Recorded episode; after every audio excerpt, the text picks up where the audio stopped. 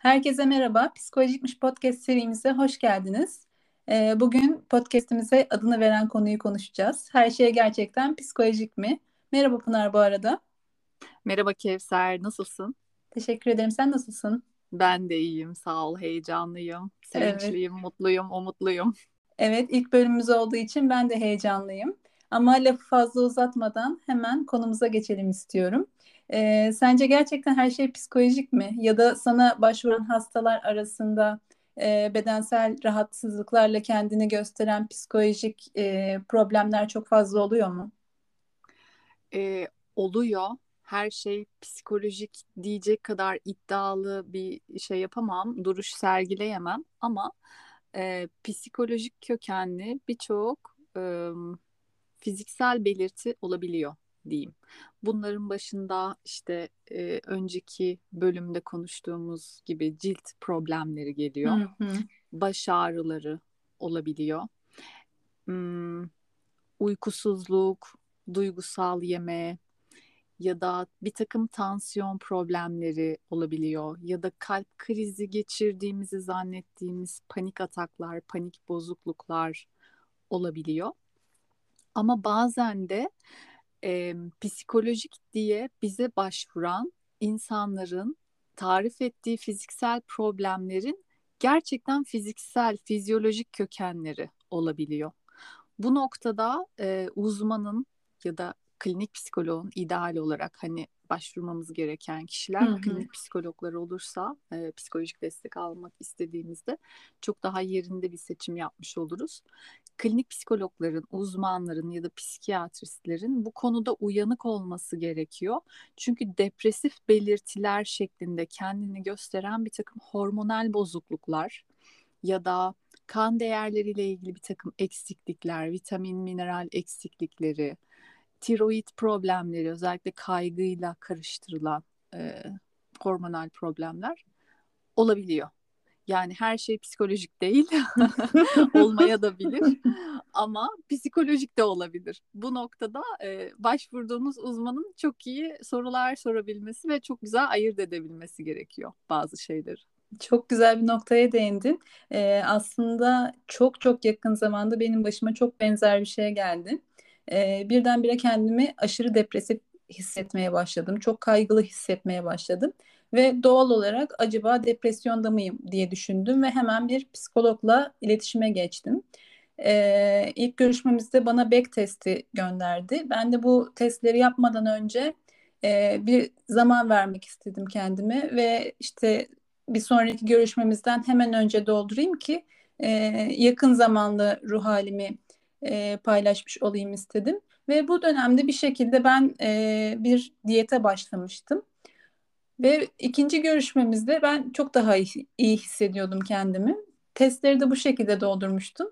E, kadın konuşurken şey dedi, ilk görüşmemizde çok iyi değildin ama testlere baktığımda sonuçlar benzer sonuçlar göstermiyor. Hani yalan söylüyorsun demiyorum ama acaba testleri doldururken biraz kendini kayırmış olabilir misin gibi bir şey sordu bana. Ben de yok dedim yani gerçekten böyle bir değişim var. Hani geçen hafta gerçekten kendimi çok kötü hissediyordum. Bu hafta iyiyim yani bir şeyim yok. Ee, yine aynı dönem benim bir e, normalde seyreden e, tam olarak teşhisi konmamış ama işte kontrol altında tutulan bir hastalığım var. Onun için doktora gittim kontrolü için. Kan testleri yapıldı ve kan testlerinde belli hormon seviyelerim normalden daha yüksek olduğunu gördüm ve o dönem beslenmeme dikkat ettiğim için muhtemelen daha iyi hissetmeye başladım kendimi. Ee, senin de bundan bahsetmiş olman enteresan oldu bu yüzden. Gerçekten böyle şeyler olabiliyor. Kesinlikle. Yani yaşam stilimizin, beslenmemizin, uyku düzenimizin de çok etkisi var e, nasıl hissettiğimiz üzerinde. Tabii ki bu değişiklikleri yapabilmek için de bazen psikolojik destek ihtiyacı içerisinde oluyoruz. Hani herkes biliyor e, erken uyu, erken uyan, işte sağlıklı yaşa, spor yap. Hepimizin bildiği klişe tavsiyeler e, hem bedensel hem de ruhsal olarak sağlıklı olabilmek için ve kalabilmek için yapılması gereken şeyler. Ama bunları gerçekleştirmek için bir takım majör davranış değişiklikleri, alışkanlık değişiklikleri hı hı. ortaya koymak gerekiyor. Ve bu da pek kolay olmuyor. Çünkü biz e, insan olarak e, konforlu neyse bizim için onu sürdürmeye yönelik bir programa sahibiz. Hmm, yani o enerjiyi sarf edeceğimiz konunun gerçekten ona değer bir konu olması gerekiyor. Çünkü enerjiyi korumak üzerine programlanmış durumdayız. Eğer o enerjiyi ben sarf edeceksem yani büyük bir değişiklik yapacaksam kendimde buna değecek mi? Buna ikna olmak zorundayız. O değişikliği yaparken vücudumuzdan ya da iç dünyamızdan gelen ya sen ne yapıyorsun delirdin mi niye kendini boş yere yoruyorsun ya da işte biz böyle yaşamıyorduk ya bir dakika burada bir şey oluyor ve saçma sapan şeyler yapıyorsun sen şu anda şeklinde içeriden gelen müdahalelere e, direnebilecek kadar güçlü olmamız gerekiyor. Bu anlamda da bazen psikolojik desteğe ihtiyaç duyulabiliyor. Tabii bir de şöyle bir handikap var. Bir sağlıklı yaşama başladığınız zaman sonuçlarını hemen göremiyorsunuz. Diyete başladınız. Hemen e, fit bir hale gelemiyorsunuz. Vücudunuz hemen güzelleşmiyor. Ya da daha içsel olarak e, bir alerjiniz var mesela bir besin alerjiniz var. O besini tüketmeyi bıraktınız ve hemen ertesi gün kendinizi şahane hissetmiyorsunuz. Bir süre geçmesi gerekiyor o daha önce tükettiğiniz besinin vücudundan, vücudunuzdan atılabilmesi için. O bekleme süreci de biraz moral bozucu oluyor ya da motivasyon kırıcı oluyor aslında. Hı hı, kesinlikle evet. Hemen de sonuçlarını görmek istiyoruz. Hı hı. Sonuçlarını görmediğimiz vakit ben bir enerji sarf ediyorum ve bunu boşuna sarf hı hı. ediyorum gibi yorumluyoruz. Bizi yorumlamasak bile yani bilinçli bir şekilde yorumlamasak bile bilinç dışımız böyle yorumluyor. Tabii bunun yanı sıra ebeveynlerimiz ve içinde bulunduğumuz yakın sosyal çevre, sağlıklı yaşam alışkanlıklarıyla yaşayan insanlar değillerse e, bilinç dışımızdan şöyle sinyaller geliyor. Sen yanlış bir şey yapıyorsun, sen normal dışı bir şey yapıyorsun gibi sinyaller de geliyor bunu e, bilinçli bir şekilde düşününce yani ne kadar saçma ben sağlığım için bir şey yapıyorum diye farkındayız ama bilinç dışı öyle çalışmıyor. Sen yanlış bir şey yapıyorsun, normal dışı bir şey yapıyorsun diye alarm veriyor. Belki bu noktada aslında psikolog desteğine ihtiyaç olabilir. Tabii tabii yani o davranış değişimleri sağlanamadığında acaba neden sağlanamıyor? Bunları Hı-hı. beraber keşfediyoruz. Evet ve birilerinin sana hatırlatması gerekiyor. Kendin için böyle bir şey yapıyorsun ve motivasyonunu koruman gerekiyor. Sonucunu hemen alamayabilirsin. Çünkü dediğin gibi her zaman ailemiz, eşimiz ya da arkadaşlarımız çok destekçi olmayabiliyorlar aldığımız kararlar konusunda. Ee, gerçekçi bir gözle birinin e, destek vermesi iyi olabilir hayatımızda. Evet kesinlikle. Yani bir e, uzman görüşünün diyelim hı hı. doğru yönlendirmeleri yardımcı oluyor. Bir de şey konuşalım istersen.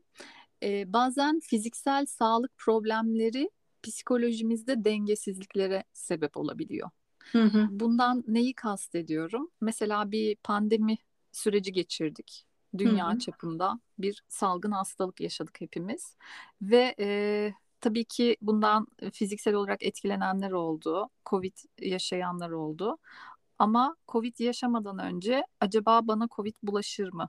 Hmm. Dışarı çıkayım mı? İşte insanlarla görüşeyim mi? Ondan sonra alışverişe gideyim mi? Alışverişten geldim poşetleri getirdim bunları yıkayayım mı? Ondan sonra e, bana bulaşırsa ne olacak? İyileşebilecek miyim? Gibi hani e, kaygılardan tut da hastalığı yaşadıktan sonra acaba işte bu bende uzun süreli bir sağlık problemine yol açacak mı? Gibi kaygılar ya da o karantina sürecinde yalnızlık, yalnız başına kalmanın getirdiği depresyon ya da başkaca psikolojik problemler karşımıza çıktı. Aynen. Ee, koronanın ilk günlerinde e, burada karantinadayken markete giderken ya da markete gittiğimde birisinin yanından geçerken ben nefesimi tuttuğumu fark ettim bir noktadan sonra. Hani maskem var ama yine de birinin yanından geçerken kendimi tedirgin hissediyordum. Ee, yani tabii o zaman çok fazla şey de bilinmiyordu pandeminin başında hastalıkla ilgili hani nasıl bulaşıyor çok fazla söylentiler vardı işte havada da asılı kalıyor işte oradan gözünüze girebilir ellerinizi yüzünüze sürmeyin falan bir sürü şeyler vardı insanların kafası karışıktı bu tür kafa karışıklıkları ya da bilgi eksiklikleri de insanları kaygılandırabiliyor. Evet kesinlikle. Ee, o yüzden hani psikoloji ve fizyoloji el ele gidiyor diyoruz her zaman. Beden zihin etkileşimi diyoruz her zaman. Hı hı. Bu konuyu da vurgulamış olalım. Hı hı. Çok iyi bir noktaya ee, değindin. Evet, bazen hiçbir sağlık problemimiz olmasa bile düşünerek bir takım semptomlar geliştirebiliyoruz. Hı hı. Ya da sağlık problemleri hali hazırda varken bu durum bizim psikolojimizi etkileyebiliyor. Bir de şey oluyor. Yani oluyor mu? Belki ben bana yanlış bir şeyler oluyor. Birisi mesela çok yakınındaki birisi başının ağrıdığını söylüyor ve bir süre sonra sen de başın ağrıyormuş gibi hissetmeye başlıyorsun. Evet, ayna nöronları devreye giriyor burada belki. Hı hı. Ee, beynin böyle şakak lobunda ayna nöronları var hepimizin. Doğuştan itibaren son derece aktif bir şekilde çalışıyorlar. Yeni doğmuş bebeklere böyle yüz ifadeleri yaptığınızda onların da aynı yüz ifadeleriyle karşılık verdiğini gözlemleyebilirsiniz. Hı hı. Ee, doğduğumuz andan itibaren taklit etmeye programlanmış canlılarız. E, bu çok hayati bir şey çünkü he, bu bizi hem, hem hayatta tutuyor hem hayata hazırlıyor. Öğrenmemize yardımcı oluyor. E, yani doğuştan itibaren bu ayna nöronları hem bizi hayatta tutuyor hem de hayata adapte olmamıza yardımcı oluyor. E, ve böyle bir yatkınlıkla dünyaya geldiğimiz için yanımızda birisi başım ağrıyor dediğinde biz onu kopyala yapıştır alıyoruz ve aa benim de mi başım ağrıyor acaba? Baş ağrısı nasıl olurdu? Başın ağrıyan yerleri hadi bakalım hareketlenin diye onları uyarmaya başlıyoruz. Hem lütuf hem lanet gibi bir şey diyebilirim bu ayna nöronları. Aynen bizim eşimle çok sık başımıza geliyor. İşte çok alakasız baş ağrısı çok normal bir şey olabilir de bacak ağrısı mesela çok spesifik bir şey. Hani bir şey olduysa bacağın ağrır.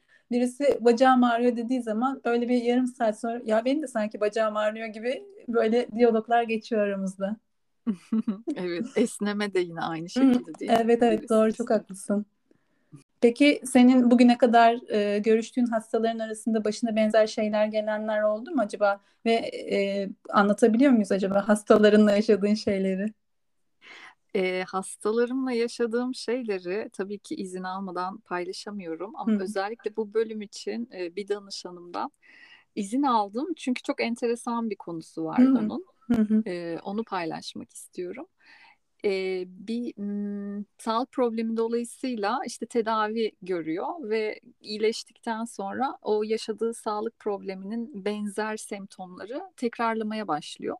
Fiziksel olarak iyileşmiş durumda yani bir sıkıntısı yok hı hı. fizyolojik olarak baktığımızda ama tekrarlıyor semptomlar. E, dolayısıyla bunun psikolojik olabileceğini e, düşünüp tabii ki öncesinde doktor dan hani randevu alıp e, bir check-up yaptırıp bir sıkıntı var mı yok mu diye e, iyicene emin olduktan sonra psikolojik olabileceğini düşünüp terapiye başlamaya karar veriyor. Hı hı. Tabii ki biz onunla çalıştık. O semptomların üstesinden geldik. Çeşitli teknikler uyguladık. Derken aradan zaman geçti. Bu danışanım benimle tekrar iletişime geçti ve e, dedi ki ben tekrar hani bir takım sıkıntılar yaşıyorum ve bunlarla ilgili tekrar çalışmak istiyorum. Tamam dedim bir görüşme yaptık tekrar ve dedim ki acaba dedim bu bahsettiğiniz şeyler e, gerçekten bir sağlık probleminin işaretçisi olabilir mi? Çünkü biraz öyle gelmeye başladı bana anlattığı şeyler. Yani psikolojikten ziyade burada bir sağlık problemi olabilir mi acaba diye e, soru işaretleri yaratmaya başladı. Kendisi e, işte şeye gitti, e, Türkiye'ye gitti çünkü yurt dışında yaşıyordu ve yurt dışında hı hı. hemen anında bir sağlık randevusu almak kolay olmuyor. Evet, biraz vakit alıyor. Aynen. E, Türkiye'ye gitti ve e, önce nörolojiyle görüştü. Çünkü daha önce yaşadığı sağlık problemi nörolojik bir problemdi. Hı hı. Nöroloji e, herhangi bir şey bulamadı. Ama bu danışanımın sağlık problemleri devam ediyor. Ben de özellikle e, endokrinoloji ya da bir dahiliye uzmanıyla görüşmesi gerektiğine inanıyordum. Hı hı. E, bana bana e, nörolojiyle ilgili bir şey çıkmadı Pınar Hanım. Acaba ben tarla sattıran mı oldum? Bu arada bilmeyenler için tarla sattıranı da açıklayalım burada. E, tarla sattıran e, tedavi e, daha doğrusu teşhisi konmayan hastalığınızın sizi doktor doktor gezdirmesinin halk arasındaki söylenişi. Aynen. Evet yani tarlayı sattırıp e, o tarlanın parasını doktorlara yatırma anlamına geliyor. Kesinlikle. Ee, acaba dedi ben tarla sattıran mı oldum? ben de dedim ki e, sakin olun e, bir de endokrinolojiyle görüşün ve dahiliye ile görüşün. Ertesi gün e, bu bölümlerden randevu aldı ve hakikaten kan değerleri düşündüğümüz yani düşündüğüm gibi e, farklı çıktı ve hı hı. yeniden bir tedavi düzenlendi kendisine. E, böyle durumlarla da karşılaşıyoruz. Evet yani. en azından teşhis alabilmiş, tarla sattıran olmamış. Aynen kesinlikle. Bu noktada tabii benim uyanıklığım da e, çok önemli hı hı, diye kesinlikle. Yani arka planımda eğitimsel, eğitimsel akademik olarak arka planımda e, sağlık ve klinik konularının olması, e, sağlık problemlerinde ortaya çıkabilecek psikolojik problemler ya da psikolojik problemle karıştırılabilecek sağlık konuları e, noktasında eğitimli olmak belki doğru bir şekilde şüphelenmeme yardımcı olmuştur. Hı hı. Bu arada benim de hastalıklarım genelde e, tedavisi olmayan hastalıklardır. Hani tarla sattıran seviyesinde de teşhis alırım ama şey derler. Hani böyle bir hastalık olduğunu biliyoruz ama bunun tedavisi yok. Bununla yaşayacaksınız. E, mesela yıllar önce üniversiteye ilk başladığımda egzama e, teşhisi kondu. Yani böyle yüzümde döküntüler oluyordu. Onun için egzama teşhisi kondu ama egzamanın neden kaynaklandığı da net olarak bilinmiyor ve neyle tedavi daha doğrusu tedavisi yok. Sadece işte nemlendirici kremlerle işte baskılama gibi e, yöntemler kullanılabiliyor. Egzamanın da psikolojik olduğu söyleniyor ama ben bunu yani neredeyse 20 yıldır yaşıyorum. 20 yıl süren psikolojik bir hastalık olabilir mi sence? Ee, olabilir, neden olmasın? Yani çalışılmadığı sürece alttaki dinamikler değişmiyor. Ee, yani sen e, evet yaş olarak büyüyorsun. Hı hı. Ee, belki birçok alanda da olgunlaşıyorsun ama olgunlaşmadığın belli başlı konular var. Onlar çalışılmadığı müddetçe de e, zemin hazırlayan bir dinamik yaratabilir arka planda. Ama e, egzamanın nerede çıktığı da önemli bence. Mesela bende de var. Benim sadece elimde çıkıyor. Hı hı. E, ve e, el sabununu değiştirdiğim zamanlarda e, ya da farklı bir deterjan kullandığım zamanlarda çıkıyor. Hı hı. Benim de ee, benzer şekilde benzer şekilde derken hani e, psikolojik olarak herhangi bir e, belirtisini görmedim. Yani stresli olduğum dönemlerde artıyor gibi bir durum yok bende. Bunu yaşayanlar da var bu arada. Hı-hı. Benim daha ziyade e, havalar kuruduğu zaman, kışın mesela, e, işte nemli bir ortama gittiğim zaman, yazın tatile gittiğim zaman hiç yokmuş gibi örneğin. Hava Hı-hı. kuruluğuyla bir bağlantısı olduğunu hissediyorum ben. Hı hı. Ama bambaşka bir şey de olabilir. Yani belki psikolojik dinamikler de olabilir ya da böyle hı hı. çevresel faktörler de olabilir onu tetikleyen. Hı hı. Dediğin gibi havanın değişimi, havanın içindeki nem oranının değişimi, kullandığın deterjanın değişimi, hı hı. E, kullandığın parfümün değişimi, tabii, kullandığın tabii. el kreminin değişimi. Hı hı. Tabii bu arada şey de olabilir. Ben genelde kışın kendimi daha kötü hissederim. Yazın kendimi daha iyi hissederim. Belki bunun yansıması da olabilir. Ah tabii kesinlikle olabilir. Kışın tabii kendini daha kötü hissetmen de ışıkla ilgili evet, değişimlerin evet. söz konusu olması var. Hı hı. Ee, ya da işte kışın hissettirdiği duygular ışıktan ziyade hı hı. kışın hissettirdiği duygular hayatında kış dönemlerinde yaşadığın olayların belki bilinç dışı bir şekilde kendini hatırlatmaya çalışması hı hı. olabilir ya da bazı olayların seneyi devriyesi kışa denk geliyorsa hı. işte önemli bir kayıp hı hı. ya da önemli ve stresli yeni bir başlangıç kışa denk geliyorsa buralarda da e, bize sinyal vermeye çalışıyor bazı bilinç dışı konularımız. Hı hı. Tabii bu arada bu kadar uzun süre bir problemi yaşayınca insan kendi kendine de çözüm bulmaya başlıyor. Kendi kendinin doktoru oluyorsun bir nevi aslında. Hangi kremin iyi geldiğini, hangi kremin kötü geldiğini, işte hangi sabunu kullanman gerektiğini, kullanmaman gerektiğini de öğreniyorsun. Mesela benim kullandığım bir takım bir takım supplementler var. Onları kullandığımda e, egzamam yokmuş gibi görünüyor. Onları kullanmayı bıraktığımda tekrar baş gösteriyor. Hani bu egzamamı çöz, çözüyor değil ama en azından baskılamayı kendi kendime öğrendim. Biraz da bu tür konularda insanın kendi kendinin doktoru olması gerekiyor sanırım değil mi? Kesinlikle. Yani kendimizi iyi tanımak, kendimizle ilgili bir şeyleri denemek, tekrar denemek, e, ah tamam buldum derken belki yanıldığımızı fark etmek, Hı hı. bu anlamda da pes etmemek Hı hı. iyi olur.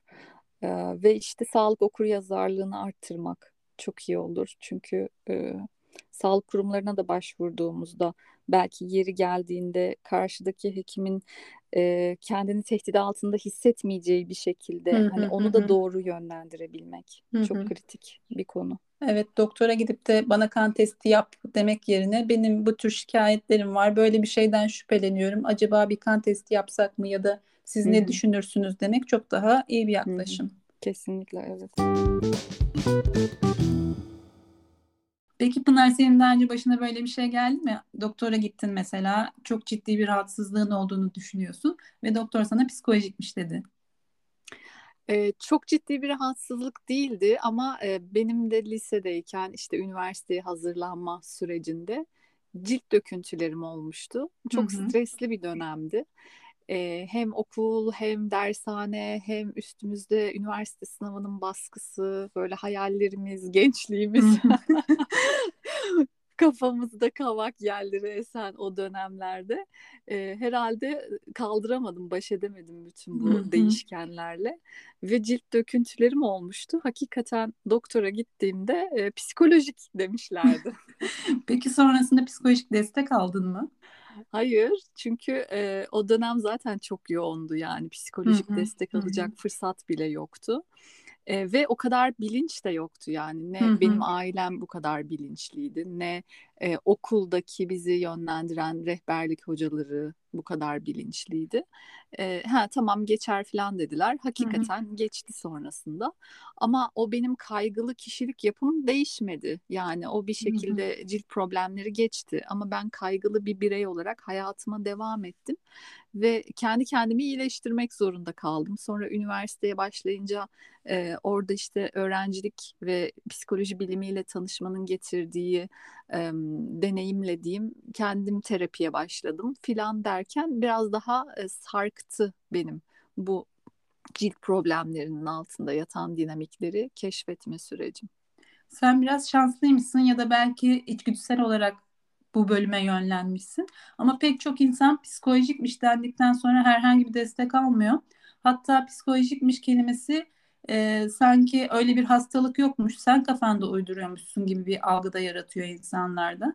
Aslında psikolojikmiş dendiğinde altında yatan daha ciddi bir sebep olduğunu kastediyor doktorlar ve e, belki e, normalde atıyorum başka bir bölüme yönlendirirler. İşte bir de beyninize baktırın derler. O ihmal edilmez. Hemen bir randevu alınır ve işte MR çekilmesi gerekiyorsa MR çekilir.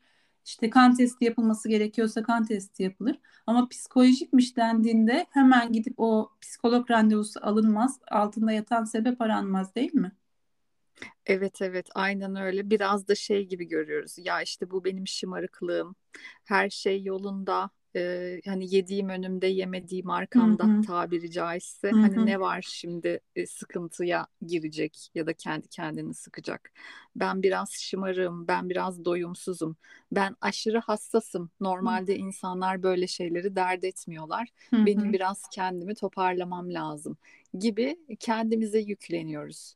Ee, yani maalesef. Kendimize yüklenmemiz tamam ama aslında çevremizden de böyle şeyler duyabiliyoruz. O daha acı verici olabilir. Hani belki sen kendin psikolojik yardım aramak istiyorsun ama annen ya da komşular, işte akrabalar diyorlar ki sen şımarıksın, bak yediğin önünde, yemediğin arkanda ama yine de mutlu olmuyorsun. İşte elindekilerin kıymetini bil vesaire. O daha kötü bence. Aynen, aynen kesinlikle. Yani zaten zor bir durumdasın. Hani hı, zor durumda olduğun için bedenin bir takım reaksiyonlar vermeye başlamış. E, ve belki yardım isteyemeyecek kadar da utangaçsın, çekingensin. Ve etrafından da normal olan bu değil, e, normal olan senin kendi kendine güçlü olmandı gibi mesajlar alınca iyicene içine kapanıyor insanlar. Evet. Pınar çok teşekkür ederim. Çok kapsamlı bilgi verdin bu konuyla ilgili. İstersen yavaştan toparlayalım. Çok da fazla uzatmayalım. Evet, ben teşekkür ederim. Çok keyifli bir sohbetti. Ee, güzel noktalara değindik diye düşünüyorum. Umarım faydalı olur bizi Evet, dinleyen herkes umarım açısından. umarım herkese faydalı olur. Dinlediğiniz için teşekkür ederiz. Hoşça kalın. Hoşça kalın.